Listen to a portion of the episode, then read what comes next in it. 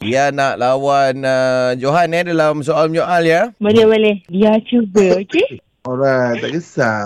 Yang Hmm. hmm. penting kita cuba. Baik. Okey, kalau dia dapat uh, menanyakan 10 soalan, dia dikira terus pemenang. Okey?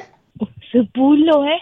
Ha ah. Okey apa? 10. Situasi dia adalah dua orang pelajar sedang buat assignment melalui online. Ah dia kena online virtual virtual punya okey. Oh, mana ini lah. PG, macam online lah. PDPR Alah, lah. Ah orang PDPR kata. lah PDPR lah. Kalau Ah, ah. kalau se- apa situasi pun tak faham ni. eh. Hmm.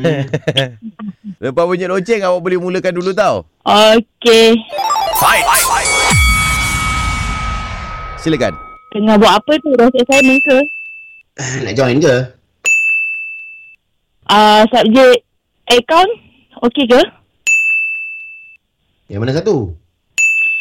Alah, account. Eh kau apa? Ah, admit tu. Kat mana soalan tu? Oh, Tak ada soalan dia. Dia dah tak ada soalan dah tu. okey, okey, okey. Apa okey okey okey.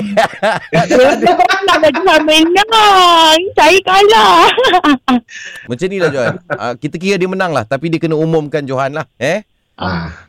Okey. Ah, silakan dia umumkan. Abang Johan. Abang Johan. Ya saya. Ya saya. You win. Yeah.